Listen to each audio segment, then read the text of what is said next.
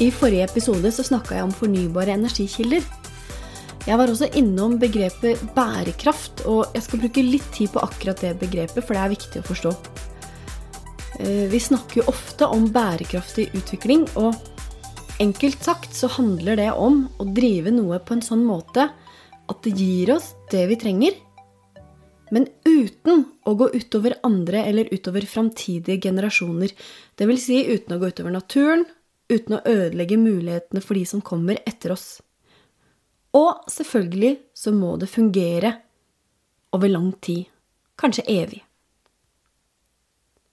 I motsatt fall, altså det å drive på en måte som ikke er bærekraftig, ja, da vil det vi driver med, gå utover naturen. Vi mennesker har en tendens til å breie oss ut, utvide plassen til oss sjøl. Og jeg var jo innom det i en tidligere episode, hvordan vi nå vi bruker altså 40% av landarealet til kloden til oss sjøl, da. Til bosted og dyrket mark. Områder som tidligere var skog. Og det går an å utnytte naturen sånn at naturen lider. At områder endres, og at arter mister levekår og går tapt. Det blir altså mindre plass til dyr og planter. Velkommen til Naturfaghjørnet.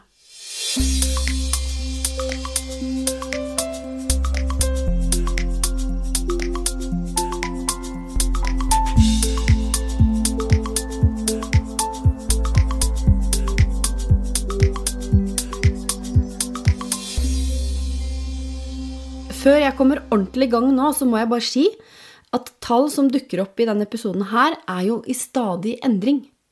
Så hvis du hører på episoden lenge etter den er eh, laget, så må du nok eh, sjekke opp de tallene på nytt. Som jeg var inne på i stad, så har vi mennesker en tendens til å ta plass. Hvis vi syns at vi trenger treverk til husene våre eller til papirproduksjon, ja, så hogger vi ned trær. Veldig enkelt sagt, da. Eller hvis vi trenger plass til husdyra våre, eller vi vil dyrke matvarer, så tar vi plass. Områder som en gang var naturlige økosystemer med skog og ville dyr, er nå menneskenes områder. Og vi bruker de til noe som vi syns er nyttig, og som vi skal ha nytte av. Over tid så har naturen fått mindre og mindre områder, og vi mer og mer. Områder som en gang hadde egne økosystem og levekår for tusenvis av arter, har blitt skrenka inn, og det fører til at mange arter står i fare for å bli utrydda.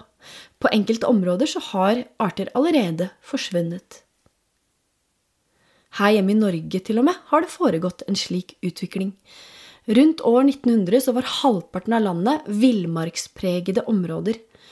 I dag så er det redusert til 11% Villmarkspregede områder det er områder som ligger minst 5 km fra tekniske inngrep som f.eks. veier og kraftlinjer og vassdragsutbygging osv.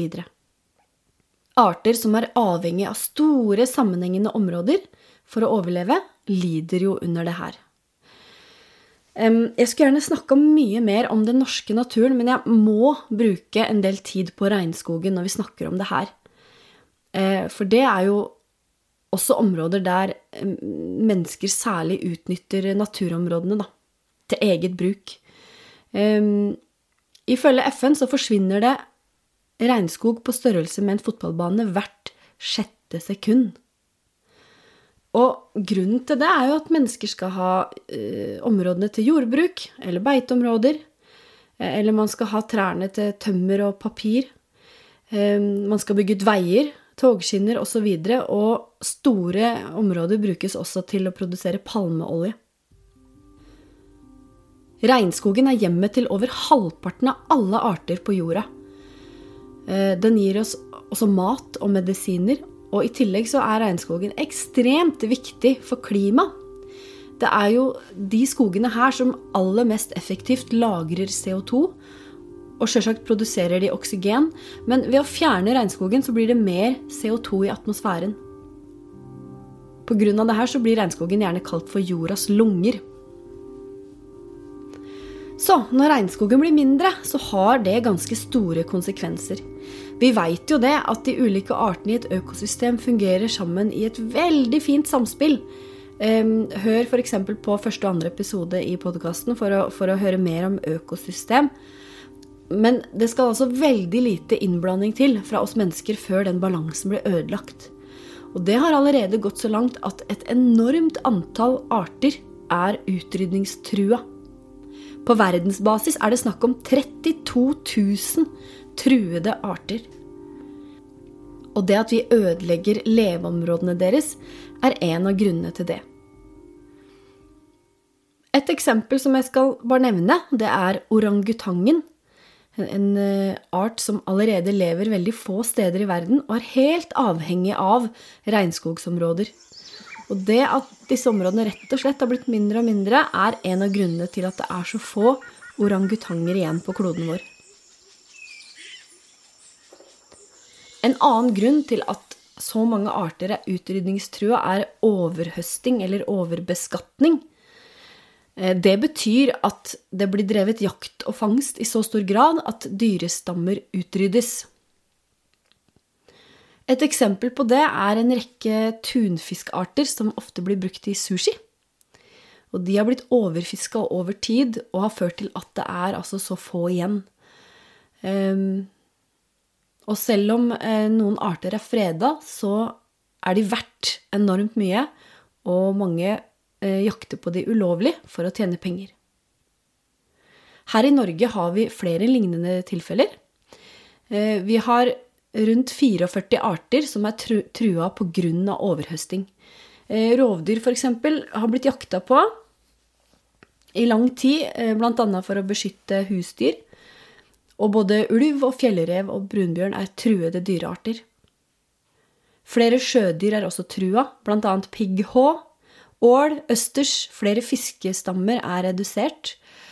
Ehm, og det fører igjen til at dyr som lever av fisk, også blir utrydningstruet. Ehm, her hjemme så har vi fugleartene lomvi og alke. Og da sier vi gjerne at de er indirekte trua av overhøsting. I Norskehavet f.eks. så er lomvibestandene redusert med 99% siden 60-tallet. Når vi nå er inne på Norge, så må det òg nevnes at det er ikke bare i regnskogen det hogges. Det gjør det også her. Vi driver med overhøsting av skogen. Um, så vil noen kanskje mene at vi driver bærekraftig fordi vi planter ny skog. Men det er viktig å være klar over at denne nye skogen er ikke det samme som naturskog. Når alle trærne i en skog er like gamle, så blir levekårene dårligere for mange arter. De er nemlig avhengig av gamle trær. Gammel skog har også et mye større nett av røtter og holder bedre på jord og vann, og gjør at de også er med og hindrer eh, flom og jordskred, f.eks. Det meste av skogen i Norge har vært hogd på et eller annet tidspunkt. Eh, og vi er i ferd med å miste eh, artsmangfoldet vårt og arter som trenger skogen. Hvis vi ikke verner mer skog, så vil vi sitte igjen med en slags plantasjeskog som ikke kan huse så mange arter, da. Heldigvis, i 2017 så vedtok Stortinget et mål om at 10% av skogen skal vernes. Og det er jo en begynnelse. Eksemplene som jeg har snakka om i denne episoden, her er jo ikke bærekraftige. Men det fins eksempler på løsninger som er bærekraftige. Det er mulig å produsere mat uten at det går utover naturen. Det er mulig å sette en stopper for menneskers utnyttelse av naturen Eh, hvis f.eks. myndighetene er på banen, de folkevalgte er på banen, og vi mennesker kan rydde opp i noe av rotet vårt. Noe av det du kan gjøre, er å ikke kjøpe produkter av truede arter når du f.eks. er på ferie, og støtte naturvennlig og miljøvennlig turisme. Du kan unngå produkter som er produsert i områder der regnskogen er fjerna, som f.eks. palmeolje. da. Det krever jo at du setter deg litt inn i hva som er miljøvennlig og ikke, og i Norge så har vi jo merking på matvareprodukter som sier noe om det her. Svanemerket, f.eks., er det offisielle nordiske miljømerket. Og det merket betyr at varen har fulgt en, eh, en si, miljøvennlig stil helt fra produksjon og bruk og helt til det ender opp som avfall. Og det fins en egen EU-merking. Og det fins òg et merke for regnskogprodukter som heter Rainforest Alliance. Um, det kan du gjerne finne på sjokolade og bananer og kaffe og te. Og varer som er merka med det her, tilhører en organisasjon som jobber for å bevare dyreliv og miljø i regnskogen, og å produsere varene på en bærekraftig måte.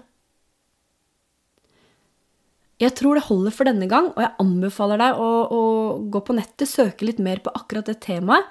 Min påstand er at jo mer man vet om dette, jo mer ønsker man å gjøre noe med det. Lykke til!